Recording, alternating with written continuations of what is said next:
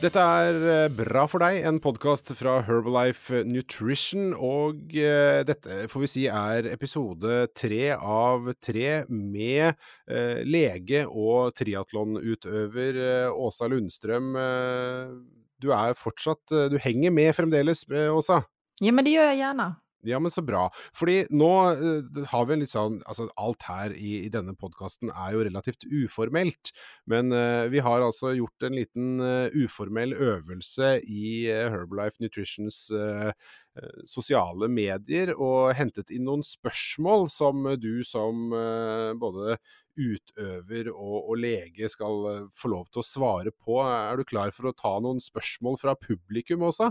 Ja, vi kör. Så bra.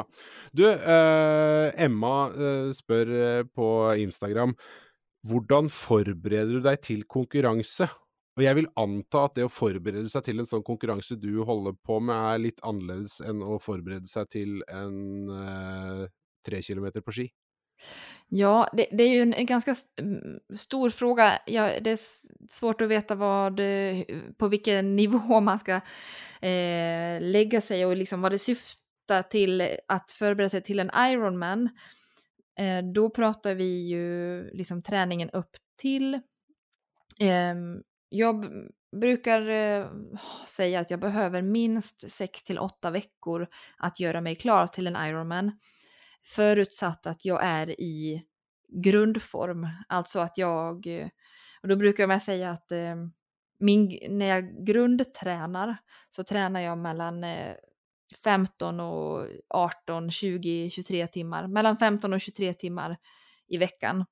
Eh, och om jag gör det och är i skaplig form så behöver jag 6 till 8 veckor på mig att liksom specifikt lyfta formen till att eh, eh, komma i form till knock till att kunna prestera till en Ironman. Då blir det ju mer, under de 6 till 8 veckorna så blir det mer fokus på eh, volym Eh, för att klara den eh, löpningen, ett maraton och, eh, och cyklingen också för den delen. Men också mer liksom högkvalitativa pass med mycket intervaller och mycket mm, upp och ner i puls. Mm. Ja, så det är det, det, det en relativt lång process, ja. och det är inte någon sån 'kan du starta imorgon? Nej, ja, nej, man kan börja imorgon med att träna, men, men jag skulle inte rekommendera... Och, alltså, och jag brukar säga att om det är någon som ska göra sin första Ironman och inte är van att eh, träna så mycket, då skulle jag säga att man behöver ett år på sig. För att det tar tid att bygga upp kroppen och beroende på... Många som börjar med sporten senare i livet har kanske sportat med något förut och har kanske någon gammal skada eller något, eh, ett litet knä som gör ont eller så, och då måste man vara lite extra försiktig och det är ju inte som ett tåg på räls att man kan bara öka, öka, öka utan det kommer, man kommer behöva anpassa sig löpande och då är det bra att ha lite marginal så man inte blir stressad och kanske pusha sig för hårt eh, så att man blir skadad. Mm. Eh, nå, det har vi på en måte snakka om det lange, holdt på å si lange løpet i forberedelsen her. Mm. Men sånn, når det, når det kommer veldig opp til, altså dagen før, noen Mm. dager i forveien, da, hva, hva, hva gjør du da? Ja, men eh, nedtrappningen inför en tävling börjar egentligen eh, tio dagar ungefär innan. Eh, och då blir det mindre och mindre träning, men eh, ändå träning varje dag med fokus på cirkulation och liksom hålla igång kroppen. Dagarna upp till en eller två dagar innan, då blir det ju mer fokus på eh, nutritionen och sömn och vila.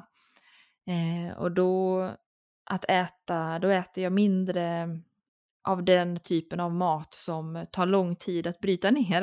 Eh, omvänt, helt omvänt med hur jag annars tänker, att man vill äta sånt som har eh, liksom eh, ett glykemiskt index som gör att man får ett, ett jämnt blodsocker. Men här får man tänka att man inte ska välja fullkornsris utan man ska välja vitt ris och man ska välja vitt bröd och eh, inte nötter för det tar lång tid att bryta ner. Och, så att det, det är väldigt ensidig och tråkig kost eh, en till två dagar innan. Ehm, och my, mycket fokus på att man ska ha bra saltbalans. Jag dricker ju eh, Hydrate i princip eh, dygnet runt i två dagar eh, innan. Eh, och mycket vätska generellt. Eh, det, det kan låta som att det är små detaljer, men jag undviker att stå. Så fort jag får chansen så sitter jag ner. Eh, bara för att jag var, var helt säker på att eh, benen är så, liksom, så pigga och, och, friska som de kan vara. Och om jag måste stå i, i en, en, timme så kan det kanske ansamlas lite vätska i benen och de blir lite trötta och slitna benen. Så då undviker jag att stå och gå. Jag tar bilen överallt. Och, så de sista dagarna inför tävling så lever jag precis tvärt som jag annars alltid tycker att man ska leva med vardagsmotion och långsamma kolhydrater. Och... Det är då du får tagit Netflix-kvota? Ja, men då blir det, då blir det mycket Netflix. Det, det ska jag erkänna. Det, det är då jag undrar mig mycket Netflix. Mm. Eh, Neste spørsmål her, eh, det handler også om, eh, om konkurrering. Hva spiser du før, under och efter konkurrenser? Ja, men före tävling då, som jag nämnde, det blir väldigt mycket eh, lättsmält mat. Kyckling, vitt ris, bröd. Eh, hydrate i, i vattenflaska som jag konstant dricker. Dagen innan så kan det även vara lite CR7 Drive för att få lite mer näring, eh, lite mer kolhydrater. Eh, och sen eh, inför tävlingen innan start så är det mycket CR7 Drive och Hydrate. Precis innan start tar jag en lift-off eh, under cyklingen. Det blir ju inte att man dricker så mycket frivilligt under, under simningen. Det blir vad man råkar, råkar svälja när man simmar. Men eh, på cyklingen sen så då är det också, man tänker CO7 Drive är liksom basen. Jag har, när, eftersom eh, jag brukar ha lite prolong i också med en mix som jag har hittat som är liksom min gyllene, mitt gyllene recept. Um, men eh, och på löpningen så är det främst CR7 Drive Hydrate med Liftoff. Så där jag också har en, liksom, en kombination som jag tycker att jag har kommit fram till som magen klarar av, som jag har testat i träning eh, och som ger liksom ett, eh, en bra stabil nivå av energi. Och det som du säger Åsa är ju att du har lagt din blandning som fungerar för din kropp och har testat den så man inte tar i sig mycket och får en dålig mage och en dålig upplevelse.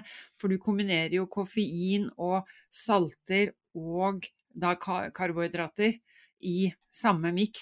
Ja, det är ju ganska, ganska tufft för magen egentligen med den mixen och, och det är ju kanske ingenting som man eh, använder sådär i vardagen annars. Så det är ju plus att man tar det under ansträngning så tarmen har svårare att uppta näringen. Så det är ju väldigt viktigt att man har testat utanför konkurrensen när det är liksom skarpt läge. Så att man vet att magen håller och att det fungerar för just dig. Och det är ju lite experimenterande fram och tillbaka. Och det är ju en av anledningarna att jag äh, i princip alltid tränar med äh, liksom energi i flaskan. Och, äh, för att magen ska vänja sig, för att jag ska veta att magen tål det och för att det, det, är en del av att liksom, testa sig fram för det som jag tycker fungerar för mig. Mm. Och när du kommer då efter konkurrens, då har vi antagit att då är allt lov, eller?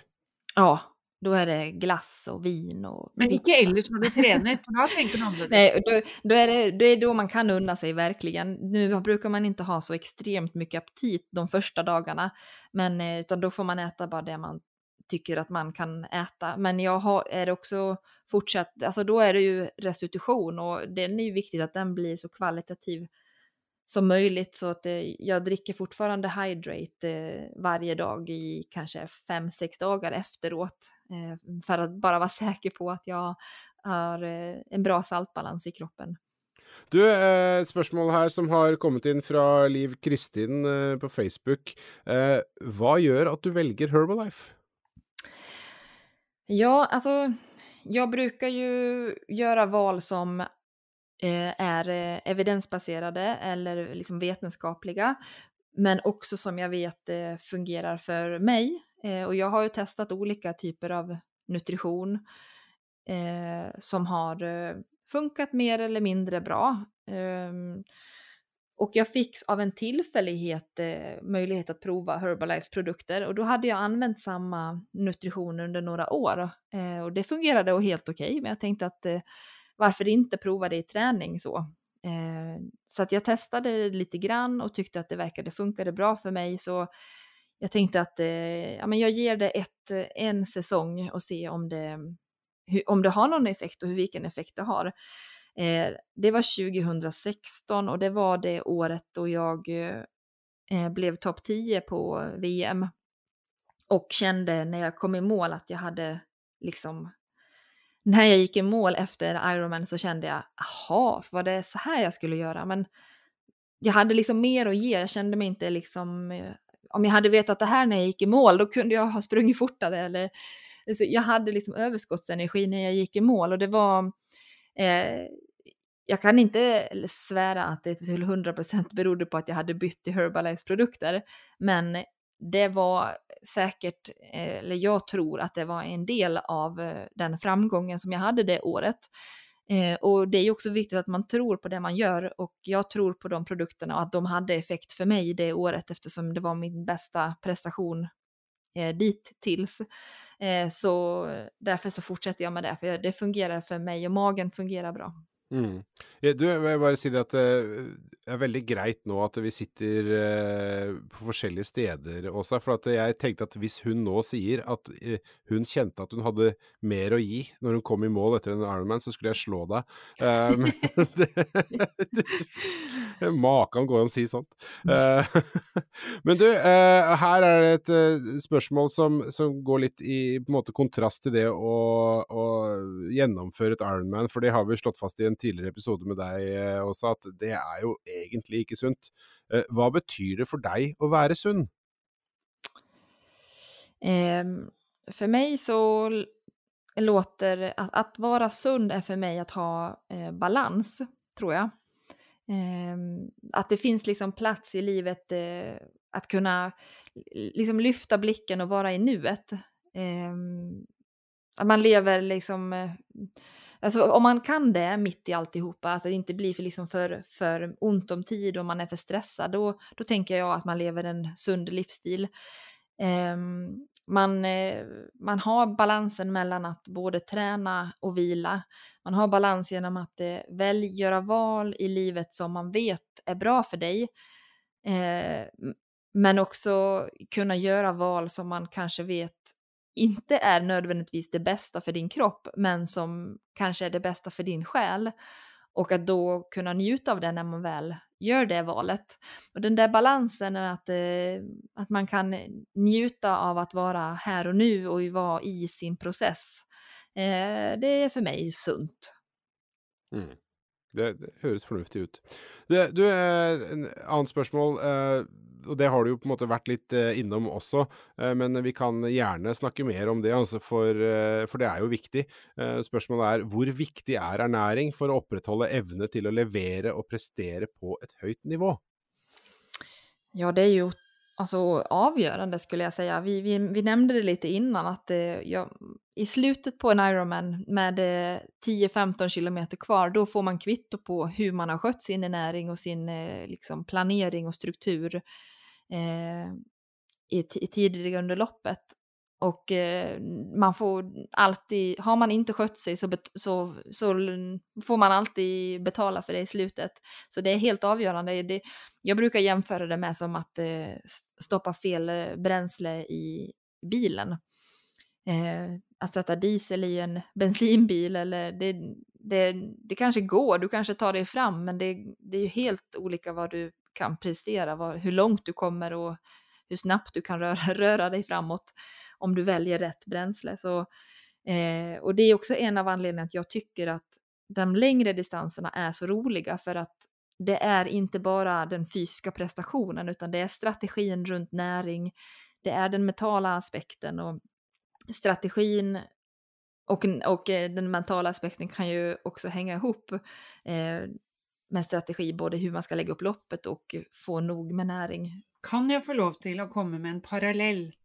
Triathlon, tre øvelser, beinhardt, psykisk, altså du får igjen for det du har gjort over tid. Og hvis vi da for noen småbarnsforeldre, f.eks. Nils Johan, sånn som det du er, så kan en uke være som en liten triatlonøvelse. Det er lange dager, det er mange utfordringer, vi skal gjøre mange ulike aktiviteter.